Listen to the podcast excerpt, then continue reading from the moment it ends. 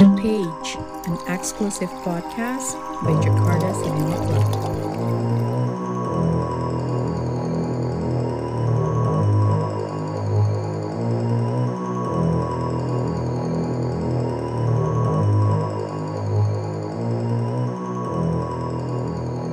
Kembali lagi bersama Jakarta Cinema Club The Page Podcast dengan saya Christopher host untuk hari ini. Uh, malam ini kita akan berdiskusi tentang film produksi studio indie Amerika yang cukup ternama bernama A24. Studio A24 ini merupakan studio ternama yang telah meraih sejumlah Oscar dalam 8 tahun sejak dia berdiri.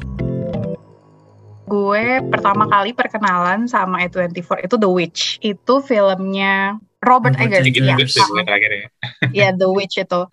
Um, it introduced me to uh, one of the love of my life, which is Anna Taylor-Joy, yang sekarang dia namanya udah besar banget. yes.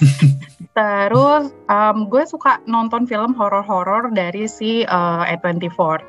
Nah, yang striking horor dari si A24 itu adalah horornya Ari Aster.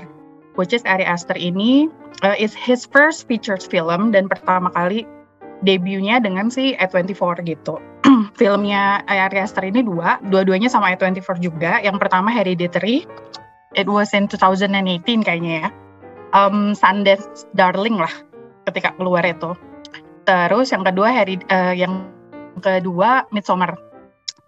Eh, so untuk Hereditary, um, Hereditary ini bercerita tentang keluarga yang sebenarnya lebih kayak family drama gitu sih ya about how they cope with the tragedy tragedy within the family. Uh, kita pertama kali diintroduce itu di family di keluarga itu adalah ketika ibunya si karakter which is diperanin sama Toni Collette itu meninggal and throughout the movie is about the family coping with the losses gitu. Dan uh, tema yang sama sebetulnya sama diambil juga di film Midsummer. Uh, di Midsummer ini pertama kali filmnya kita diintroduce with the character, the character suffer with its, with the losses as well. Karakternya di situ diperanin sama si Florence Pugh. Is it Pugh or Pugh? Gimana sih nyebutnya? Kayaknya deh. Pugh. Pugh, oke. Florence Pugh. Yuk. Iya. So untuk di Midsommar lebih kayak broken heart story gitu lah sebenarnya. What's really interesting about this movie adalah um, it's a horror movie tapi bukan kayak yang typical jump scare gitu. Ari Aster itu lebih push ke psychologicalnya, which is sometimes dealing with the losses, dealing with the heartbroken gitu kan, broken hearted. I mean, itu sometimes is the scariest feeling ever gitu. Dan dia nge-push itu. And I think what really striking adalah at 24 tuh kalau lu tonton filmnya antara si Midsommar sama si Hereditary itu entirely different in terms of nuance-nya gitu loh. Kalau yang di Hereditary si Ari Aster nih it seems like he wanna push darkness to the fullest gitu. Jadi kayak dia nge-push banget the darkness-nya. Meanwhile in Midsommar semuanya tuh white. Sementara kan kalau lu film horror tuh biasanya pasti dark dan biasanya places-nya tuh kecil-kecil gitu kan, very spacey uh, um, apa namanya uh, boxes gitu. Sementara Midsommar tuh nggak kayak gitu. So it's kind of showcases gimana si A24 collaborate with the uh, H director sih kalau menurut gue. Uh, kayak dia ngasih ngasih ruang seluas-luasnya untuk each the, this directors to really you know play around with the canvas. Hereditary 2018 keluar itu ketika kita disajikan sama film horor-horor yang si James Wan tuh kayak udah bikin MCU-nya sendiri gitu lah ya. Dia banyak jump bikin- scares, jump scares. jump Yes. scare gitu. Dan dia bukan bikin kayak what's the term ya? Kayak beneran kayak beneran ada ada universe-nya gitu kan. dia udah bikin gitu. Dan semuanya tuh kayak feels like a jump scare for me. Don't get me wrong, I love Conjuring gitu. Gue sebagai pe, apa sebagai penyuka film horor, gue suka banget nonton Conjuring. Um, kenapa suka? Karena eh, walaupun jump scare tapi dia tuh ada kayak love story-nya gitu loh. It's not just about horror movie gitu, tapi about the family connection. Nah, kalau si Hereditary ini, you can feel the the family drama. Ini family drama yang kayak di sugarcoat sama horror gitu. Gua nggak pernah bisa put myself into the characters di film horror karena kan experience-nya nggak pernah kita rasain gitu kan kayak ketemu sama Babadook or whatever. Terus tapi tapi kalau si somehow nonton Hereditary, I gue bisa relate jadi si ibunya gitu. Gue bisa relate dari si, jadi si anaknya gitu. Kayak very strong storytelling lah. Jadi favorite gue yaitu Hereditary nomor satu. Kalau aku sih kebetulan belum nonton Hereditary ya, cuman Chris? nontonnya itu The Witch. The one of the uh, I love The Witch. Karena itu kayak Hmm. bener-bener aku suka tipe-tipe horror yang um, psychological ya, ya Yep. di mana tuh si peran utama cenderung tidak kita nggak pernah dikasih sosok yang konkret tentang hantu itu, terus Hmm. uh, kita tuh berusaha menerka-nerka yang cuma at the very end atau kayak bener-bener subtle banget baru di reveal kan. Itu aku suka Hmm. banget sih cara um, The Witch. Jadi we feel scared without knowing what the ghost look like. Kadang tuh kalau ada film-film horror yang hantunya selalu udah dikasih lihat duluan, itu malah Betul. ngurangin ngurangin rasa kehororan itu karena kita udah tahu bentuknya gitu kan. Ah, I know what the ghost looks like. So Iya. I kinda expect it, you know. Jadi tapi kalau kita nggak tahu, ah itu kadang memang mengerikan banget sih. Bener banget rata-rata film menurut gue film horornya A24 tuh kayak gitu loh kayak it's explore story tentang fear of the unknown gitu. Yeah. Kalau lihat film-filmnya terakhir gue nonton tuh Sandmouth ya. Which is yang kata Faiz remind me buat nonton Sandmouth gue baru nonton Sandmouth itu juga kayak nggak tahu ini setannya apa sih gitu Sandmouth It Comes at Night terus Hmm. even Ghost Story ya kan Ghost Story tuh spooky banget kayak lurking Atau gitu yang apa spookiness-nya Pet gitu. Cemetery ya, Pet Cemetery. Pet Tapi Nonton deh itu pada The, The Terror deh, pokoknya The Terror udah berapa kali kayaknya gue ngomongin ini The Terror. iya betul The Terror. Itu beruntung Iya. banget sih kita dapet film-film itu di bioskop kan, Hereditary sama ya Iya. Midsommar kan di Midsommar. itu secara visual walaupun film horor juga ah, bagus banget sih maksudnya kayak bukan visual yang mau nakut-nakutin tapi cara ah, desain tuh ada gitu gue tuh kayak udah tertarik sama Hereditary sejak mereka cuman rilis teaser poster doang. Iya. Hmm, iya. dari situ kayak eh, sebenarnya nggak nggak pengen ya punya high expectation gitu kalau mau nonton film. Cuman ketika pas eh, nonton Hereditary gitu malah kayak lebih ekspektasi gitu. Apalagi yang pas adegan itu kan si kakaknya ini kan em, apa eh, malam kejadian gitu kan. Iya. iya kita benar-benar berasa kayak jadi si tokoh itu gitu. Hmm, benar. jarang Hmm. kita nonton terus eh, apa bisa benar masuk dalam karakternya gitu Betul. Harus Jadi nonton nih berarti nih, aduh. Brilliant.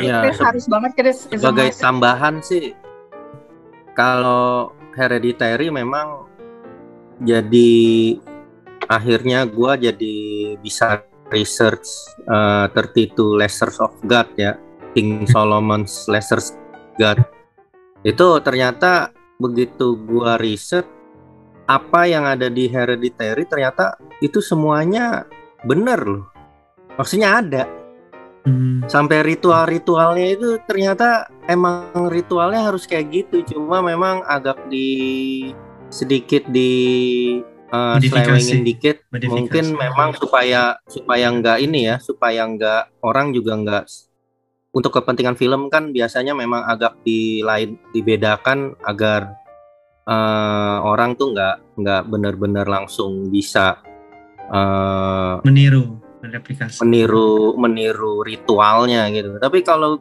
kalau secara di riset gitu itu Paimon itu juga ada terus dia itu memang memang memang secara eh, dokumentasinya tuh dia researchnya memang udah dalam banget ya. Bahkan sampai ritualnya itu gue sampai ngeliat buset iya juga buset sampai sampai bener-bener. Sebenarnya tuh kalau diikutin itu ada beberapa titik titik ritualnya itu memang seperti itu gitu. Yang jadi menariknya juga Paimon itu ternyata kan setan yang eh, setannya harta ya dan ini juga kayak versi kalau di Jawa tuh kan jadi pesugihan gitu. Bisa buat pesugihan juga. Cuma ini versi versi baratnya gitu. Gue sih masih riset sih belum belum sampai pesugihannya ya. Oh, lumayan juga tuh pesugihannya soalnya kalau kalau pesugihan Eropa tuh kalau dapat kan lumayan ya euro ya. Kalau minimal minimal gue bisa mainin jadi kripto gitu kan ini gue inget banget tuh kita nonton bareng tuh anak-anak cek di bioskop ya kan. Lo, ikut nggak Wak? Waktu itu? Ikut Nonton lah bareng. CGV kan waktu itu. Iya, abis itu pas lagi hening semua, terus tiba-tiba gue duduk sebelah si Yap gitu, terus dia teriak sendiri, kayak wah, Iya iya, telat. iya, kayaknya dia mungkin dia ketiduran atau gimana.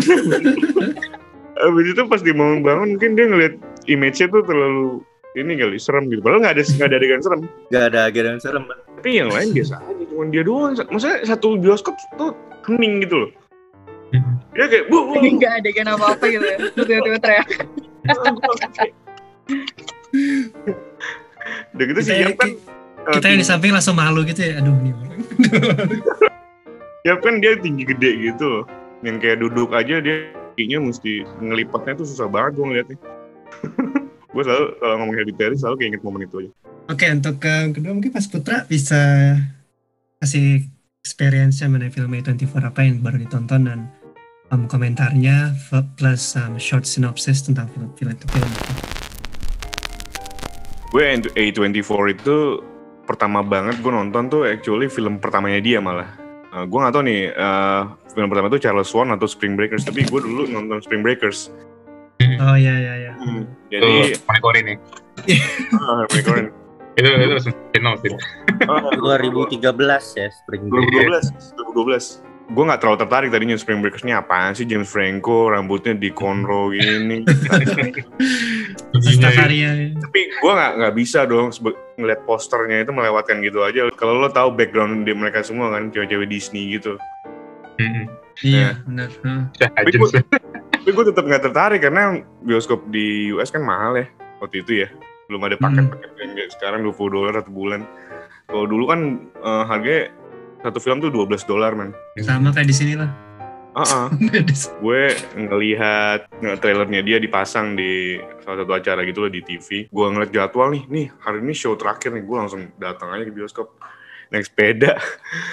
Dan pas sudah selesai, gue masih kayak apaan sih ini film aja. Tapi ternyata itu film menurut gue sedikit ahead of time sih karena dia cara dia representing the critics. Kritiknya buat anak-anak muda sendiri gitu tuh unik dan baru bisa dicerna atau ditelaah gitu kayaknya beberapa tahun telahnya kan. Itu uh, experience pertama gue dan gue nggak tahu sama sekali itu A24 waktu itu kayak mana ada sih stu- studio yang brandnya kuat banget sampai kita oh gue tahu nih ini filmnya A24 gitu belum gue nggak mikir ke situ gue nonton aja karena faktor poster dan trailer mind blowing lah lo maksudnya ngeliat cewek-cewek Disney kok bisa transform seperti itu gitu Gitu. Rebel Rebel.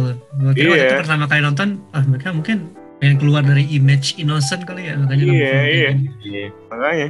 Nah along the way sampai ya sampai gue sekarang fast forward turns out gue udah banyak banget nonton film A24 nih. Karena kita temanya ini gue nonton beberapa film yang belum gue coba sebelumnya gitu. Kayak Morris from America kemudian The, The Spectacular Now gue juga belum pernah coba.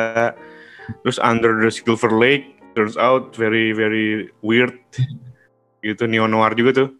Sama satu lagi apa ya kemarin aku tonton ya? On the Rocks ya Sofia Coppola mungkin nanti, nanti ada ngobrol juga. Nah ada satu film nih yang dari menit pertama gue langsung kena hooknya gitu. Dan kebetulan film ini eh, direkturnya tuh udah udah cukup namanya udah cukup familiar buat gue yaitu uh, Trey Edward Schultz gitu. Judulnya Waves. Oh iya, Waves. Waves tahun 2019 gue udah nonton debutnya dia Krisha terus It Comes at Night juga dia filmnya dia. He's getting better and better. Jadi sinopsisnya sedikit aja ya. Jadi ini tentang anak muda. Dia good at sports. Kemudian punya cewek yang inilah bisa dibilang mereka berdua kind of perfect couple gitu di sekolahnya gitu. Di kehidupan rumahnya dia tuh sebenarnya bapaknya pushy gitu. Pushy itu dalam arti karena dia atlet jadi dia pulang sekolah langsung digembor buat latihan lagi, latihan terus. Prinsipnya kayak lo udah kulit hitam lo harus prove that you're strong tanpa mempedulikan ke, eh, kesehatan mentalnya si anaknya yang sebenarnya udah capek. Ya gimana ya waktu lo zaman SMA kan lo agak labil ya pasti ya. Apalagi dalam kehidupan roman lo sedikit ada masalah sama cowok atau cewek lo pasti lo jadi ya, galau kemudian marah-marah sendiri begitu juga sama si karakternya si Tyler ini Tyler namanya di Waves itu. Singkat cerita dia berantem sama ceweknya gara-gara ceweknya hamil. Ada dua pilihan dong keep the baby atau aborsi. Awalnya mereka mau aborsi nih. Pas mereka datang ke klinik aborsi itu ternyata banyak banget protester gitu yang berdiri di depannya. Lu ada yang nonton ya? Iya. Udah, Lu udah, udah udah, nonton? udah nonton. Keren ya ya. kita kita hooked. oke terus terus di klinik di klinik aborsi oh lu tega banget lo bunuh ini lo gini gini buat mental lo jatuh gitu lah terus sampai di klinik aborsi pas nunggu gitu ada satpamnya masuk satpam si klinik itu dia bilang Iya. "Uh, kayak those crazy people out there kata dia mereka bakal mendorong kalian terus nih mereka bakal ngeprotes kalian terus nih buat keputusan yang kalian buat tapi tenang aja, I'm with you, kata dia. Biasanya sih mereka protes-protes, nanti kalau kalian misalnya yang mau aborsi punya anak, mereka bakal take care, tapi most of the cases mereka enggak gitu. They just didn't do it. Jadi kayak ibaratnya ini orang-orang yang suka protes, ya protes-protes, tapi sebenarnya do nothing gitu, actually. Ngerti nggak? Speak out for a lot of shit gitu, tapi actually well, they, did nothing. Ini sama aja. Kemudian si ceweknya itu akhirnya memutuskan untuk keep the baby. Nah, cowoknya marah banget kan. Besok gue ingat, ingat lagi nih, ini 2019 nih, nggak mungkin dong mereka nggak, eh, the filmmakernya nggak mengindahkan Me Too, woman's will gitu, buat keeping the baby. Eh, ternyata si Trey mau, cuman mau mau ngasih tahu kalau mau gimana pun remaja is rema- remaja itu remaja. Ketika dia dikasih sesuatu yang berat gitu yang beyond their reach yang kira-kira wah masa depan gue gimana nih kalau misalnya gue punya bayi? Mereka nggak nggak banyak yang siap gitu. Kira mereka berantem sampai ada sesuatu terjadi di pertengahan film. Very tragic gitu. Very tragic. Dan uniknya setelah kejadian itu selesai ceritanya pindah ke adiknya si si Tyler tadi yang diperankan sama Taylor Russell namanya Emily jadi jadi kayak gitulah. Jadi ini lebih ke fluktuatif kehidupan remaja dan dibalut sama soundtrack soundtrack yang gila, gila banget soundtracknya. lu bayangin, lu non, lu muter filmnya, itu langsung dikasih lagunya Anim- Animal Collective yang Florida. Coba terus kameranya muter-muter gitu 360 derajat. Seakan-akan nggak ada kru gitu di situ di satu mobil. Jadi kayak gue langsung hook gitu loh. Soalnya itu kan eh, beda banget ya sama Krisha sama It Comes at Night. Kalau yang dua film sebelumnya kan kayak semacam tenang gitu mencekam thrilling gitu. Tapi kalau yang ini dia dia memang mencekam kayak horror gitu. Ibaratnya horror buat in real life ya. Tapi fun to watch gitu. Nah em, musiknya sendiri selain tadi yang gue bilang Animal Collective ada Frank Ocean ada Kendrick Lamar kemudian ada apa namanya Kanye Kanye Uh, her juga. Terus gue baca-baca sedikit, uh, kalau skornya tuh yang bikin Trent Reznor dari Nine Inch Nails. Dan ternyata si Trent Reznornya sendiri yang email Trey Edward Schultz dia bilang I'm your fan. Bisa nggak kita kerja bareng? Kira mereka diundang ke si Trey Edward diundang ke LA buat makan siang sama Tikus Ross. Dan bam mereka bikin skor buat si Waves ini. Dahsyat banget sih. Ini banyak banget yang kena di sini kayak dia kritik orang tua yang terlalu pushy buat anaknya. Dia nggak bisa ngasih tahu juga kalau remaja itu harus dikritik setajam itu karena remaja itu ya emang masalah yang labil gitu ya kan? Jika lo remaja ya well it's okay gitu buat kayak gitu. If you do stupid things gitu if you think stupid apa pun itu ya it's okay gitu. You're you're teenager tapi kalau udah tua lu masih labil. Nah itu that's a different thing mungkin yang baru nonton Waves juga ada ini nggak ada impresi lain gue kasih ratingnya 5 dari 5 nih film Mungkin bisa dimulai Wih. dari Faiz lah. Faiz udah nonton kan ya? Itu gue sih cerita Waves sebenarnya tuh gue sebenarnya si Chris kan nge WA gue kan. Bro ini top tier nih Waves nih men. Kayak, Intense, that's Intense intense. Intens gue kayak oke lah nonton kan. And he wasn't kidding. Gue langsung bilang kayak lu, you weren't kidding. Ini ini intensnya gue gak kuat men. Ada di bagian per- itu estimasi kalau Putra sama Chris ingat yang pas lagu I Am a God-nya Kanye main tuh. Iya. Tahu kan? iya, iya. Itu itu Uh, itu udah itu jantung gue tuh udah copot bro itu eskalasi men itu klimaks tuh sampai lu kayak blockbuster aja tuh kalah men klimaks yang kayak gitu men kayak bener-bener sampai pada akhirnya lu cuma terenyuh aja kan dengan eh, itu bagian apa ya? Di bagian pertama cerita. Wah. Gue mau syarat itu doang sih karena itu keren banget sih ayam Get tuh pas dia muter ya. Dan itu yang mungkin udah dibilang semua sih. Putra udah komprehensif banget sih penjelasannya dan tentang kamera yang muter pada saat lagi hangout di dekat pantai kan gitu kan. Bagian keduanya reflektif. Wah udah. Itu perfect sih. Gue almost suka perfect. tuh pas bagian di mana peran utamanya em, bertengkar ya sama cewek eh, pacarnya ya. Terus dia di garage itu kan tengkar terus dia terus kameranya itu kayak kayak tiba-tiba dipukul jatuh langsung drop hitam itu keren banget sih Iya. kayak langsung Berubah, aspek rasio berubah. tapi pada Iya. saat jatuh tuh ada ada ada ada red red flash gitu kan kayak oh something something happens very quickly Iya. I really like um, his trick ya, his kamera trick di situ di mana dia nggak perlu nunjukinnya sesuatu yang gory tapi cukup implisit tapi kita langsung shock. Ini kayak semacam reverse jump scare. Karena kita Reverse jump we kinda we kinda know what happened but we still shock. Like not like um, terkejut ya tapi kayak gimana bahasa Indonesia ya? Kayak shock tuh it feels like it's unreal. It feels like is it really happening. Even though we expect it to be happen sometimes kayak perasaan di mana lu tuh tahu dia bakal ngelakuin hal yang stupid tapi kita Iya. how it unfolds itu yang bikin kita terkejut sih. Itu biasa. doom gitu ya. Ending doom ya Kemudian dia main sama rasio juga kan, rasio film. iya benar benar. Walaupun ini nggak nggak ini ya nggak nggak baru ya. Dulu gue pernah nonton filmnya Xavier Dolan juga, Mo- Mommy, dia main rasio juga dari satu banding satu. Yang Kanye West yang I Am a God, si Trey, Trey Edward-nya itu memang nulis skrip.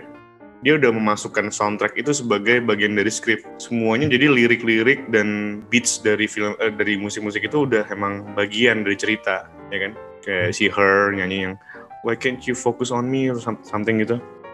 Terus yang Ken, ah, Kendrick Lamar, si Trey Edward-nya juga eh, dia bi- bilang kalau misalnya gua nggak dapat rights-nya nih, ya udahlah, gua nggak apa-apa di cut nih scene-scene ini gitu.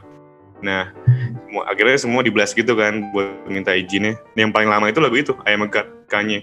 Karena di fase itu Kanye udah nggak into secular music gitu. Dia boleh boleh pakai tapi clean version, clean version dari I Am. Maksudnya I Am sendiri kan lo tahu sendiri kan itu itu salah satu lagu dari album yang gila banget tahun 2002 pas dia when it came out itu gila banget tapi ketika dipasang di scene itu anjir kayak everything changes gitu.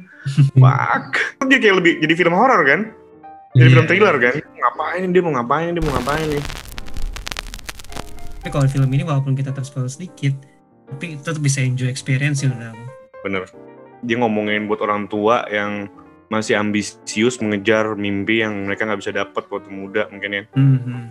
bapaknya cedera kan dia dulu atlet terus cedera. Akhirnya dia ngambil pekerjaan yang lain terus dia push anaknya untuk jadi seperti dia bahkan lebih bisa lebih hebat gitu. Tanpa memikirkan kondisi mental anaknya. Masih SMA gitu masih labil banget Iya. gitu. Jadinya anaknya nggak bisa jujur kan ke bapaknya. iya jadi takut. Jadi takut. Menurut gue uh, banyak banget sih yang terjadi di situ. Uh, I think he's gonna be big some someday gitu si Troy Edward ini. Padahal waktu itu kan juga ada adegan di mana si peran utamanya tuh begging ya, ceweknya tuh buat balik, ceweknya udah hampir mau, ternyata dia snap, jadinya mundur lagi. Bilang, Iya. Damn. That's a roller coaster of a film. Sayangnya si Yus nggak ada sih, soalnya yang introduce Trey Edward ke gue itu si Yus. Gue lupa lah, kalau film-film yang lain sih dia. Lupa lah ceritanya gimana si Yus dulu 2016-an gitu dia promosiin film Krisya banget lah dia bilang apakah dia kenal sama si Trey Edward apa dia pernah ketemu sama si Trey Edward Schultz-nya Iya. Access. Pernah ketemu. Ah, kan dulu kan eh, di sana kan ada South by Southwest kan. Oh. Ah, jadi wajar lah kalau film-film filmmaker-filmmaker baru bisa bisa hang out di situ ngobrol-ngobrol. Kan dia di situ juga ketemu Ryan Coogler kalau nggak salah. Ya US man what do you expect sih? Ya, itu itu sih udah kayak sarangnya. Iya, apalagi kalau apalagi kalau di LA, ya you could, you could Hmm. literally meet people every day gitu. Si film pertama itu Krisya itu dapat HFS Awards gitu di film Spirit, yang film Independent Spirit itu. Kayak dulu gue tertarik. I highly recommend it Waves. Yes, guys, uh, definitely watch Waves. Um, aku juga main Blown setelah dipromosikan sama Putra. Gue kayak ada refleksi juga sih gue kayak aduh, untung gak juga gak kayak gitu. gue gitu. Oh my god. Berikutnya mungkin Mas Faiz bisa diceritakan film apa yang baru-baru ini ditonton dari A24, terus uh, sinopsis singkat dan um, mungkin reviewnya lah. Eh, aku pengen bahas specifically for this podcast itu filmnya James Ponsoldt.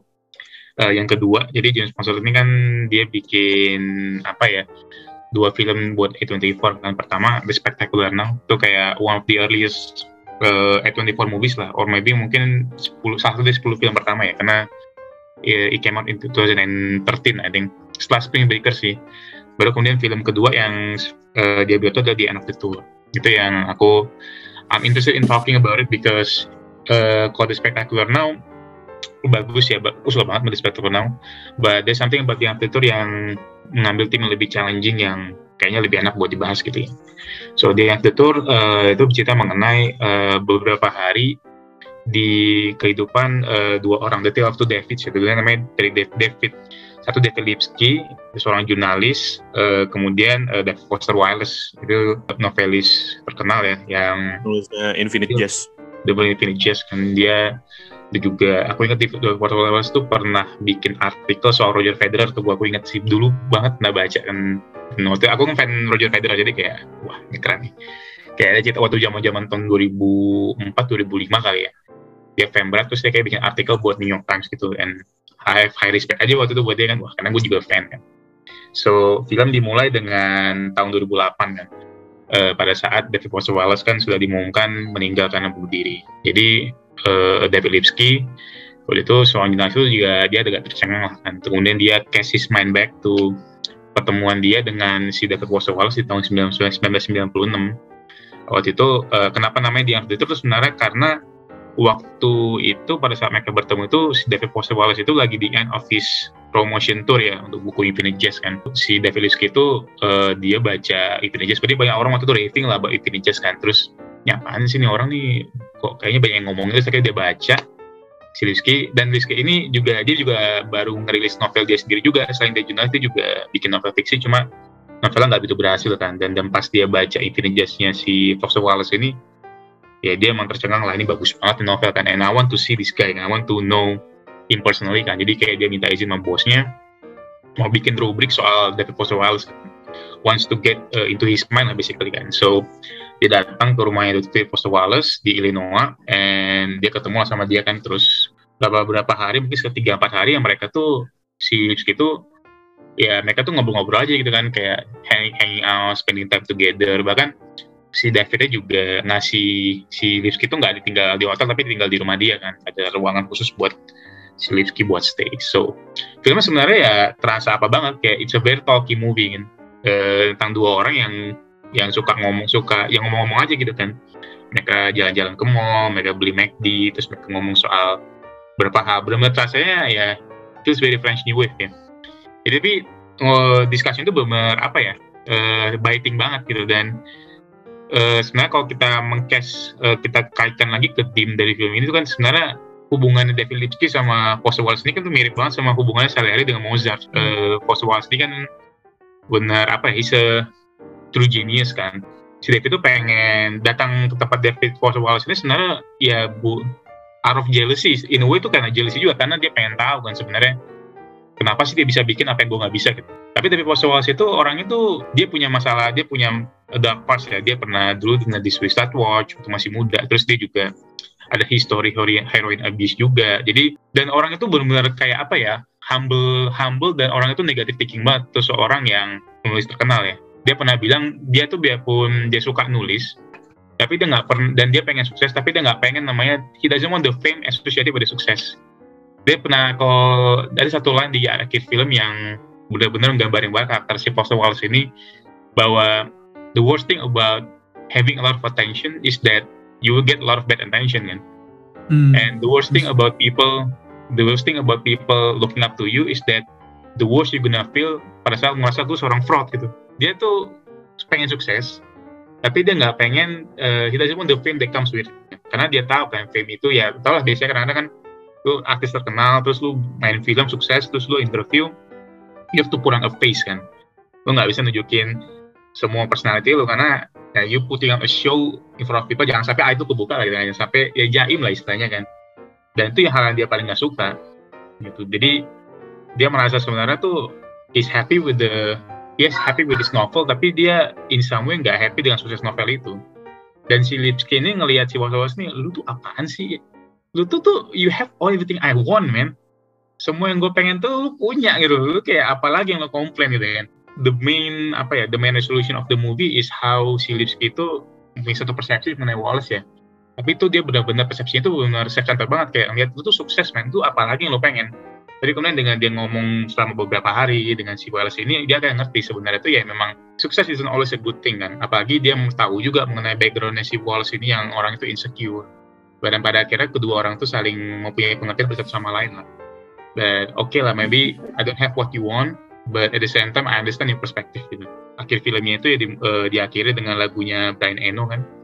Saat dia jadi buku End of the Tour ini dia berdasarkan buku yang ditulis Lipsky di tahun 2010 kan. Dua tahun setelah uh, kematian Wallace itu ter, uh, mengenai pengalaman dia dengan si Wallace ini tahun 96 itu. Jadi dia rilis buku itu tahun 2010 kemudian diadaptasi sebagai film. Dan akhir film itu adalah pada saat dia lagi book tour nih di end of the tour kan. Dan dia berbicara mengenai I want what uh, I want what he has precisely what he has tapi he wants something more but uh, it's a sad thing that he's gone because the world is a worse place without him menarik lah karena ini semacam deconstruction terhadap hubungan Salih dan Mozart ya. Kalau Salih dan Mozart itu datang dengan it comes from a place of jealousy, but this movie itu turns that place of jealousy menjadi sebuah narration kan. Pada akhirnya kedua orang ini tuh terutama dari Rizky terhadap Wallace itu saling memiliki emosi satu sama lain bahwa uh, terhadap kedua saling kedua apa ya saling kedua belah pihak ya karena kedua-duanya adalah novelis. Dan menarik sih melihat dikotomi itu sih. Uh, it's not just about admiration between artist tapi juga bagaimana apa yang lu pengen itu belum tentu tuh hal yang bagus juga pas lu alamin gitu. Dan itu yang dihadapi David Foster Wallace dengan kesuksesan Infinite Jest kan. Uh, highly recommended nih. Ini mungkin James Mansold film dia terakhir ya dengan A24 setelah itu dia bikin film lagi namanya The Circle dengan Tom Hanks dan Emma Watson tapi kayaknya nggak di A24 kan and setelah itu dia nggak bikin film lagi sih. I think mohon udah hampir 5-6 tahun nih dia vakum dari bikin film which is interesting. Gue sampai sekarang belum kesempatan tuh baca Infinite Jest. Mungkin nanti kalau udah, kalau udah, kalau udah tua lah. Udah mau mati baru. Lu bayangin seribu halaman. Kayak, itu gue itu emang ah, kenapa tuh waktu gue baca itu gue ah tuh waktu kayak waktu gue nontonnya kan 2014 ya came out 2014 dan udah tujuh tahun tuh gak kesampaian buat pasti koreksi sih iya itu uh, penggambaran 90s kan di situ lumayan nostalgic ya. Kayaknya waktu di mall itu ada now showingnya itu Broken Arrow deh. iya, iya. Travolta kan. iya, John Travolta. Keren sih si siapa namanya? Jason Segel kan waktu itu dia lagi pasca ini How I Met Your Mother kan dia mulai main beberapa film. Gue berkesan juga tuh film. Dua-duanya lah, The Spectacular Now sama hmm. ini uh, The End of the Tour. Hebat banget ya berarti A24 tuh ibaratnya bisa mengorbitkan direktur-direktur baru yang muda gitu. Oh, udah heran kenapa dia udah vakum ya? Dia sih dari Circle kemang dia bisa bikin Circle kan, terus nggak gitu sukses terus vakum, hilang gitu udah lima Dari inspirasi tahun. dulu kali. Mungkin lagi bikin, mungkin lagi bikin, nggak bisa nggak mungkin nggak bisa tiap tahun lah. Cuman Woody Allen sama Ingmar Bergman yang bisa bikin. Kalau gue kayak indie filmmaker kayak gue mah tiap dua, dua hari bisa bikin satu.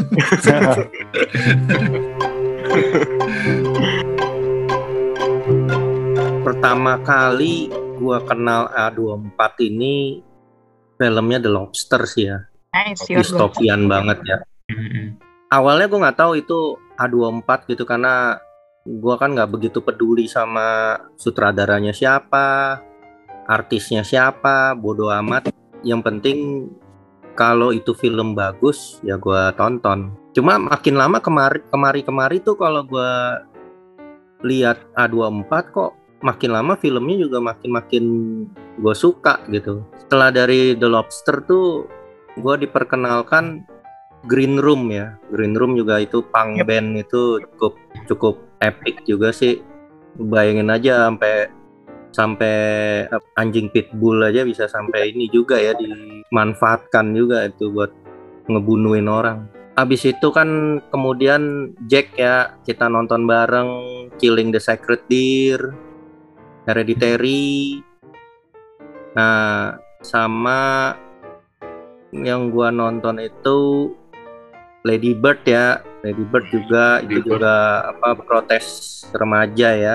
Kayak lu di di being religious uh, family terus lu juga di being religious environment akhirnya ya otomatis namanya juga lagi muda kan berontak gitu kan sama kemudian tuh The Farewell Okafina ya itu juga bagus juga karena relate juga sama kultur-kultur Chinese yang Cindo juga absorb nah, Apa yang lo absurd? Cuma yang yang ba- bagi gua yang yang cukup oke ya karena gua kan setidaknya kecimpungnya juga di bagian teknologi ya.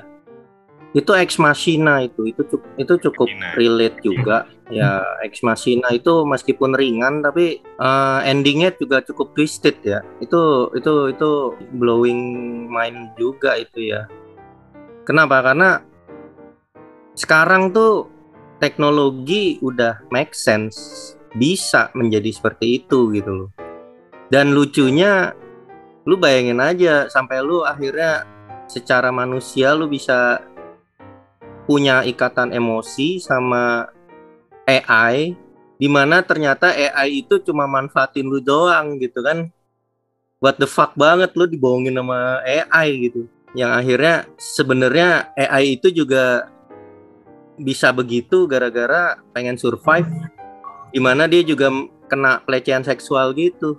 Itu itu twisted banget sih buat gua. Itu gila sih. Cuma memang balik lagi kecenderungan manusia kan gitu. Kalau dianggap itu tools otomatis di abuse ya dibully gitu kan. Kalau lu tahu bahwa oh ini ini cuma remote gitu loh remote TV atau cuma net apa cuma net Netflix gitu. Ya udah lu bully gitu kan. Di mana ternyata Netflixnya itu atau remote-nya itu ternyata lebih pinter dari lu gitu. Eh ya ada nilai-nilainya juga. Gue kalau A24 tuh gue demen karena dia punya pesan ya di tiap filmnya gitu ya oke paling itu aja sih kalau ini ya Ya. Menarik sekali perspektifnya. Em, mungkin sekarang kita lanjut ke Mas Edvan. sebenarnya nggak baru nonton ya kayak kayak yang udah pernah ditonton tuh uh, The Lighthouse sih yang paling berkesan sih. Oh iya iya. iya. Hmm, Itu sangat-sangat disturbing. Uh, very disturbing. The Lighthouse itu ceritanya tentang dua orang, satu satu uh, senior, uh, satu juniornya gitu, bocah magang gitu. Be- karena tertarik sama gajinya kan, gajinya gede di mercusuar gitu kan. Uh, cuman ya gitulah ternyata di mercusuar tuh banyak banyak ritual-ritual horor dan membosankan gitu. Burung psycho. Burung psycho. Uh, iya sih. Gue juga gue juga bingung ya kalau gajinya gede mau kerja di mercusuar atau enggak ya. Kalau boringnya kayak gitu sih. Uh, terus ceritanya itu yang bikin menarik itu gue nggak nyangka Robert Pattinson itu ternyata tuh bisa acting kayak gitu gitu loh. Hmm, selama ini gue adalah orang yang meremehkan dia gitu. loh. Ah ini apa sih serunya gitu. Terus ketika dia dapet tawaran jadi Batman itu kan gue kayak protes ya. Ih apa banget sih. Terus gue nonton lah film ini kan. Sekarang gue agak agak menyesal sih ingin menarik kata-kata gue. Menarik kembali. Heeh. Nggak bisa diremehin sih. Rupanya abis itu gue ngulik tuh Robert Pattinson ini track recordnya setelah Twilight itu apa sih? Rupanya dia tuh lumayan banyak meranin film-film artsy sih. Jadi dia tipe tipe orang yang nggak doyan duit kayaknya kan. Kan film artsy kan nggak ada duitnya tuh kan. Ada kayak filmnya dia kan Good Time tuh ada di Good time Ah, sih turning Netflix. pointnya ya. ya. Itu juga Mhm. bagus banget tuh. Sama filmnya Claire Denis juga High Time.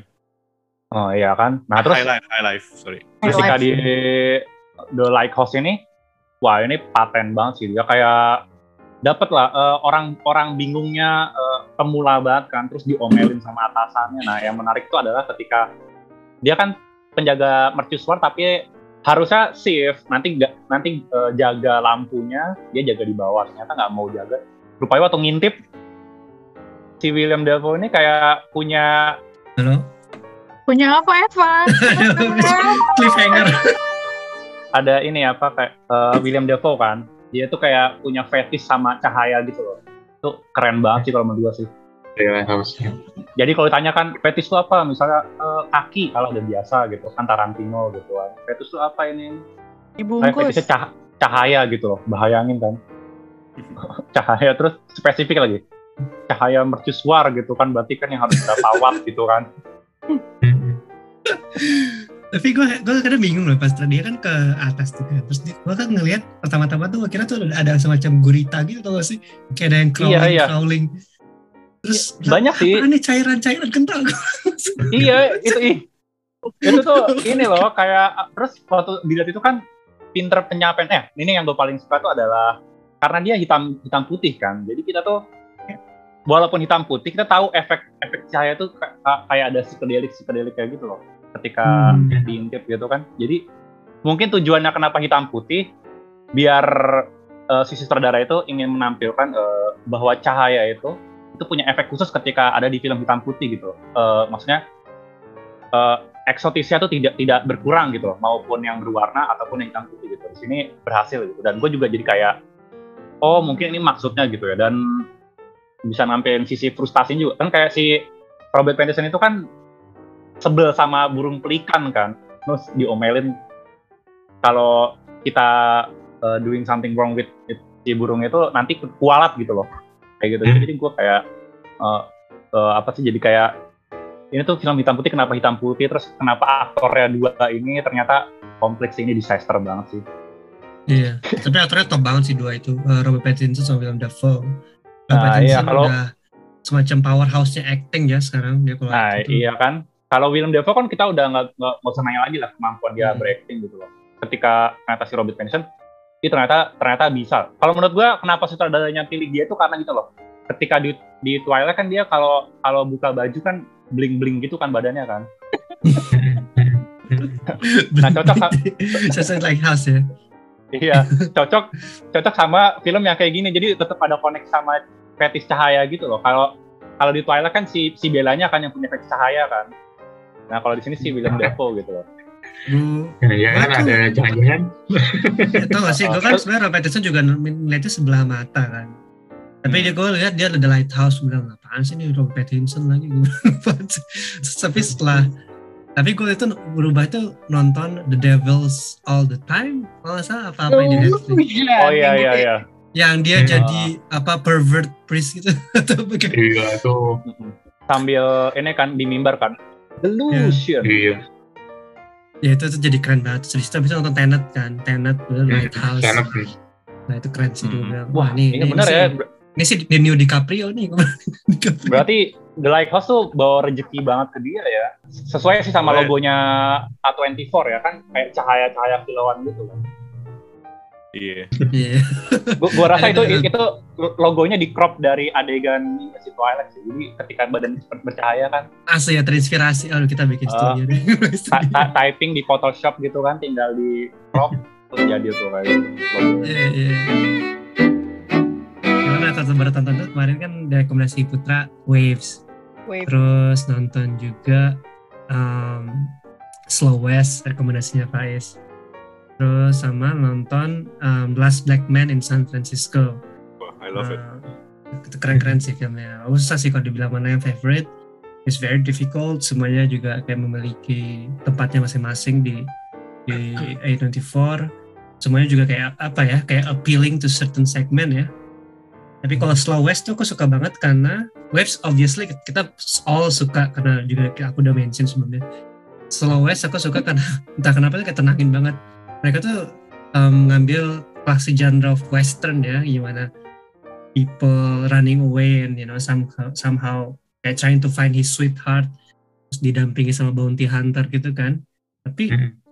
um, di situ juga banyak elemen di mana banyak pesan-pesan I do not trust like people and sometimes people that seems to, to be rough tapi sebenarnya lu bisa trust.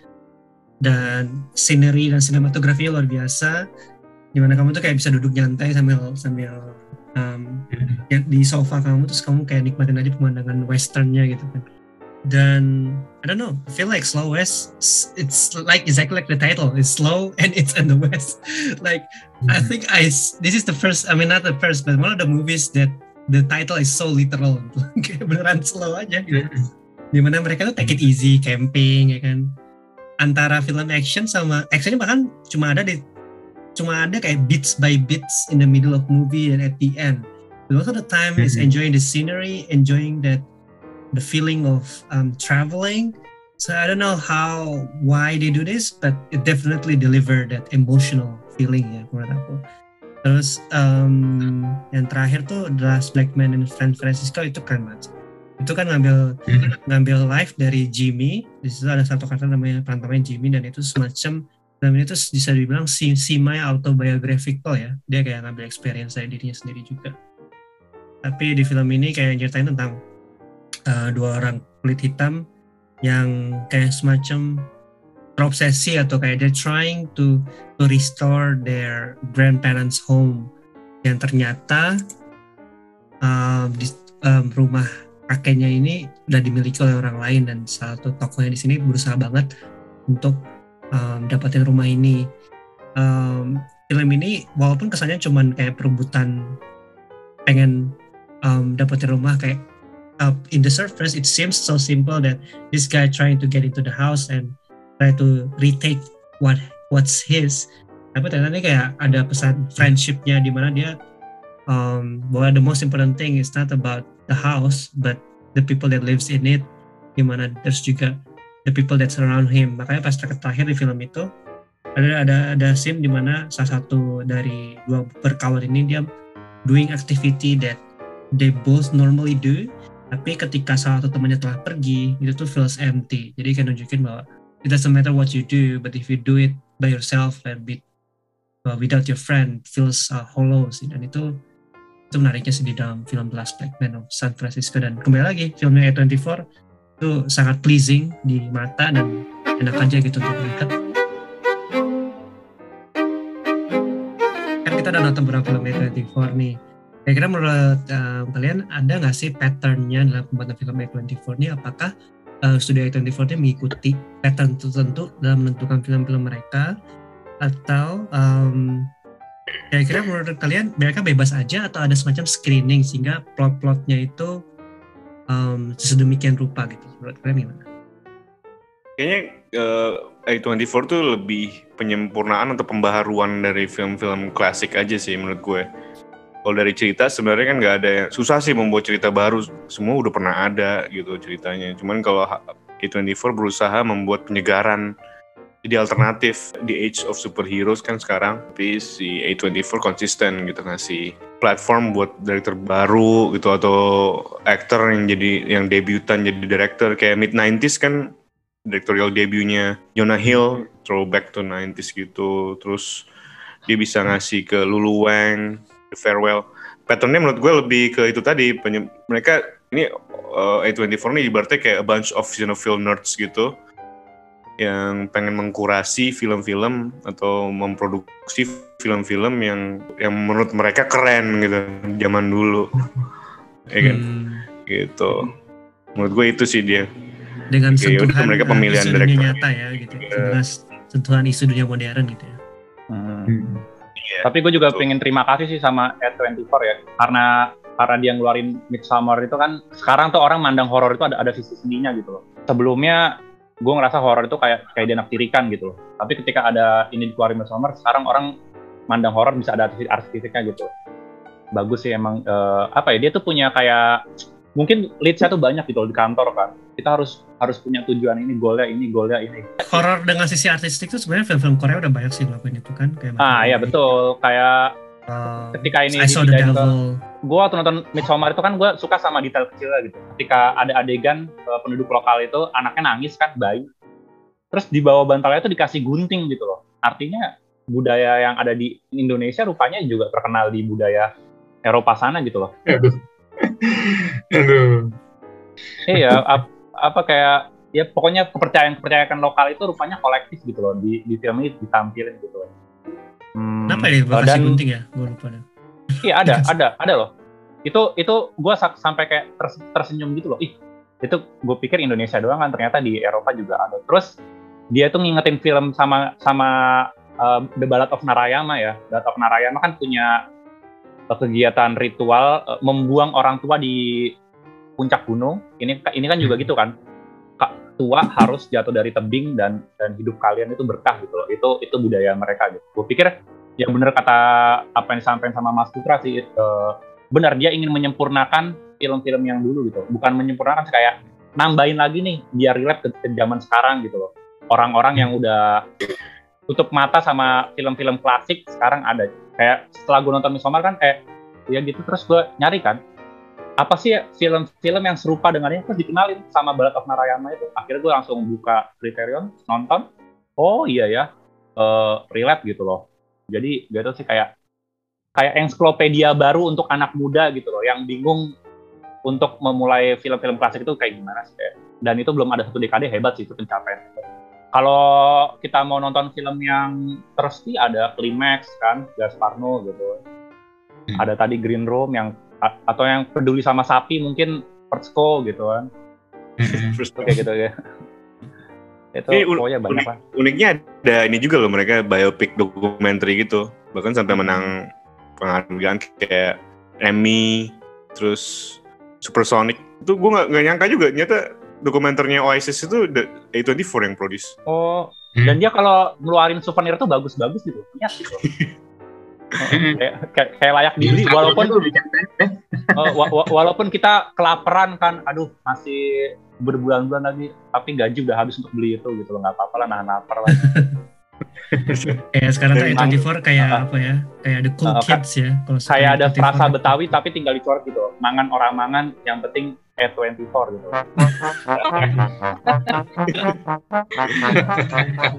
Ri- rivalnya sama si ini ya Neon ya, gila tuh persaingan dua itu tuh. Ya, A24 sama Neon. Iya. Neon akuisisi internasionalnya dewa banget ya. Semua di Kemarin- Parasite itu kan ya? Iya, Parasite. Parasite sama yang kemarin menang Cannes itu. Iya. Dibeli menang. juga.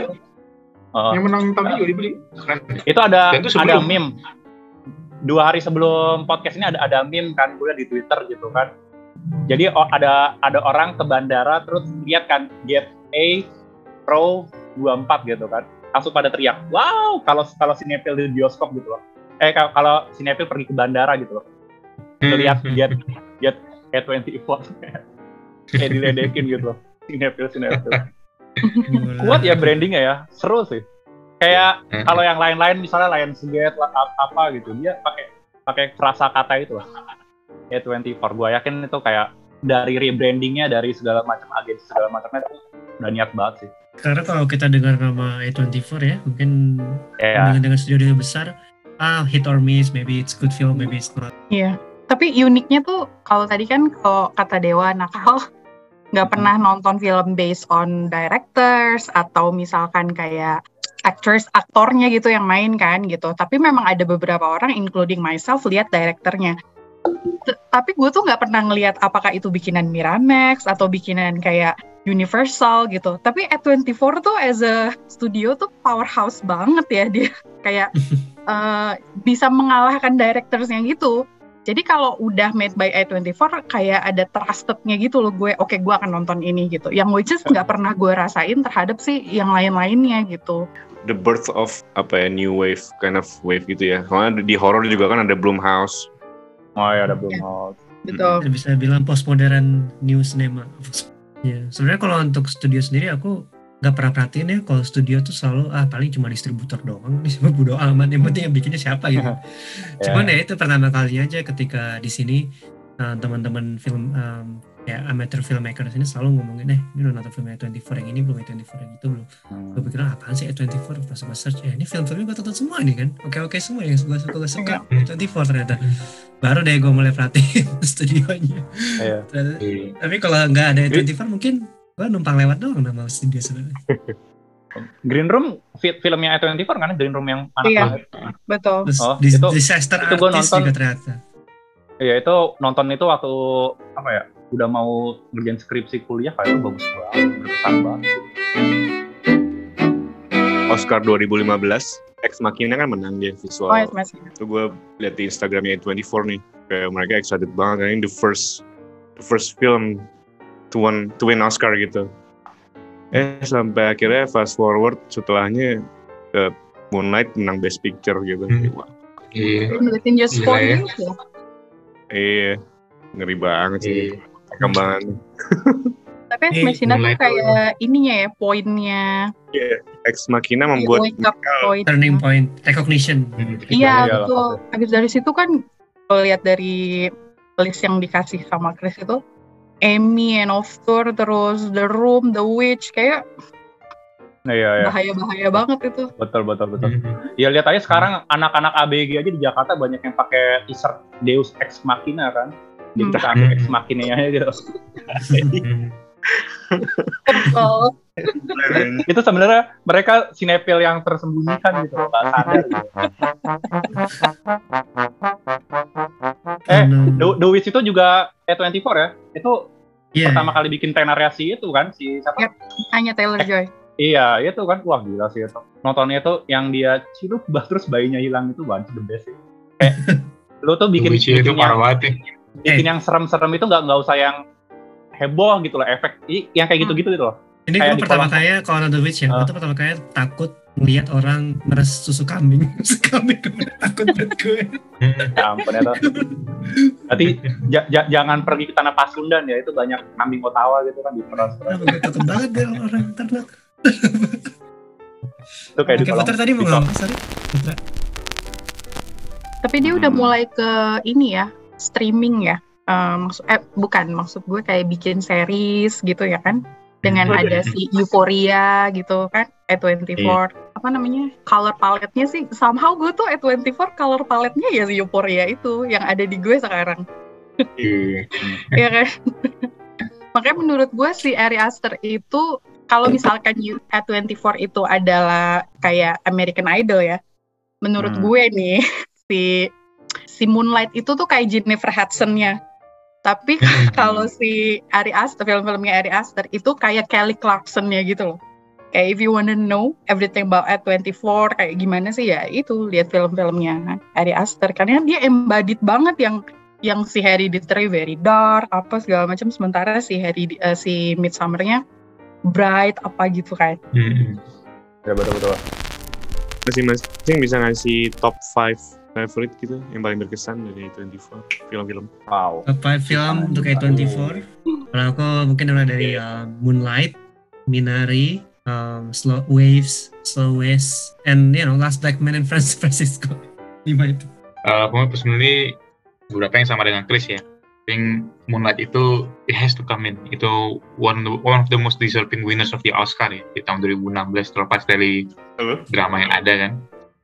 Moonlight uh, is one of the movies in my top 5. Aku nggak bisa ranking from best to worst, tapi kalau kita aku disuruh bikin 5, Moonlight has to go in. Kemudian habis itu um, ini film yang bikin gue tuh jadinya agak terbuka sedikit mata gue kan dengan talentnya Bob Burnham ya. Lagi setelah dia rilis uh, spesial baru di Netflix namanya Eight Grade, it's, re- it's really great itu uh, director debutnya dia.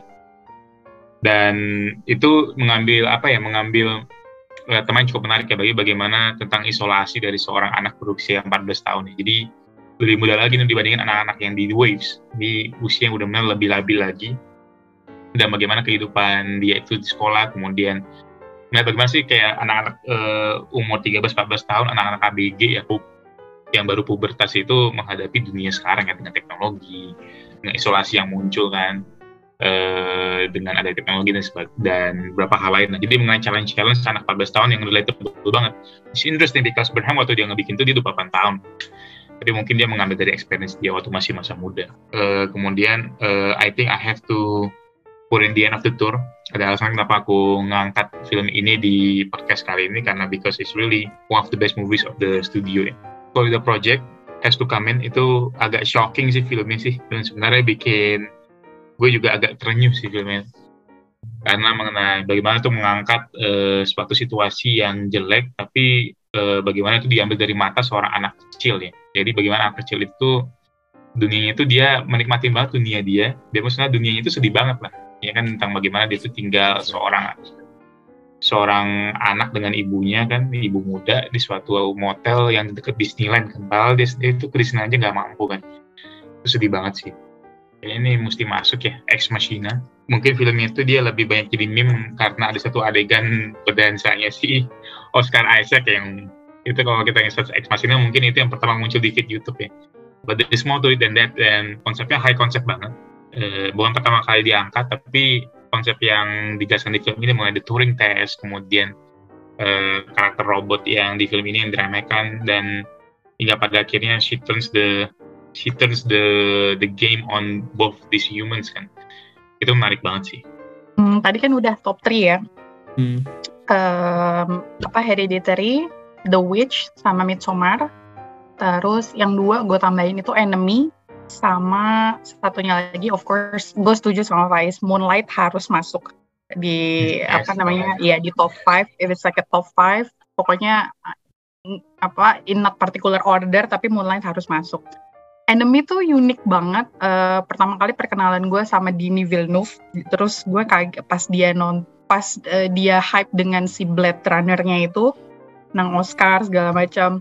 Gue cari-cari film filmnya dia dan ternyata gue pernah nonton si Enemy itu. Yang gue ingat adalah surreal eh, very surreal feelingnya pas lagi nonton Enemy itu. But it's actually very enjoyable. Gue biasanya kalau yang surreal kayak em, film yang kita tonton assignment minggu lalu lah ya. itu kan surreal banget. Itu kayaknya Kalau ada sekarang. yes eh, ada momen Iya. di mana boleh kasih gue skip aja nih film karena Iya, iya. gue udah mulai nggak ngerti gitu tapi si enemy tuh very enjoyable gitu Um, dan ah, ini neo noir ya kayak si eh, si enemy Iya. ini I think it's a very very uh, underrated movie tentang battle antara dua dua kepribadian gitu lah ya. Eh, tapi the way si Denis Villeneuve telling the story dan terus twist-twistnya itu bagus banget sih. Gitu. Jadi art top 5 gue itu uh, Hereditary, um, The Witch, Midsommar, Enemy sama Moonlight. Eh, gue yang pertama kali itu taksnya Kevin Smith yang horor itu yang tas Oke. Eh, gadingnya itu. Eh, itu itu keren banget karena di situ Kevin Smith berhasil bikin nampilin papa Ernest Hemingway di selipan beberapa menitnya itu di situ gue kayak wow gokil nih berani nekat banget nampilin film eh, nampilin Ernest Hemingway di di, di, di film itu gitu loh. Horornya kalau horornya aku suka mm, Midsommar ya bener eh, bagus lah itulah. Karena itu gue terima kasih banget jadinya horor bisa jadi ada sisi artistika gitu loh mid 90s tuh suka lumayan eh, masuklah ke ketiga itu terus. Itu ba- baru tiga ya terus eh, lima wah ini bingung nih mana nih ya? Hmm, Ex Ex Machina bagus sih ini Deus Ex Machina jadinya ABG ABG ini pakai kaos ini kan. Itu empat terus yang kelima The Lighthouse fetish cahaya gitu loh. Tahu gue yang fetish cahaya itu cuma laron gitu loh. ternyata di film ini manusia bisa gitu loh. Jadi itu sih gue curiga di masa depan nanti ya kalau kalau ada ada manusia fetishnya kayak 24 gitu jadi ketika ngelihat posternya aja langsung kayak ah gitu nempel-nempel kan ke tembok ke, ke papan gitu kan pasti ada sih itu di masa di masa depan Ex Machina udah pasti ya. Lobster ya itu karena distopiannya buat gue sih masih oke. Moonlight gue belum nonton sih ya. Jadi gue belum bisa komentar. Iya, kan yang ditanya Hereditary. top 5 loh. Ditanya top Iya, 5. justru itu. Makanya nomor satu ya di dalam top 5 itu kan Ex Machina, The Lobster. Halo? Halo, iya. Iya, iya. Lobster, ikan bawal, terus Iya. Florida Project juga oke karena memang itu nampilin ini ya proletar dengan situasinya ya. ini kalau udah ngomongin kaum proletar ini banget ya Jagoannya ya. Hereditary, Hereditary udah ja, udah ngelakuin very good research ya. Itu udah bener-bener buat gua gua terima kasih banget sih sampai gua bisa bisa baca itu gua sampai nyari kitabnya. Sama ya yang terakhir sih The Farewell ya. Itu relate Hmm. sih. Because as a Cindo ya itu ada beberapa relate yang emotionally bonding ya. Jadi kangen lo ya sama nenek lo ya. ternyata Dewa Nakal punya sisi sentimentalnya juga loh.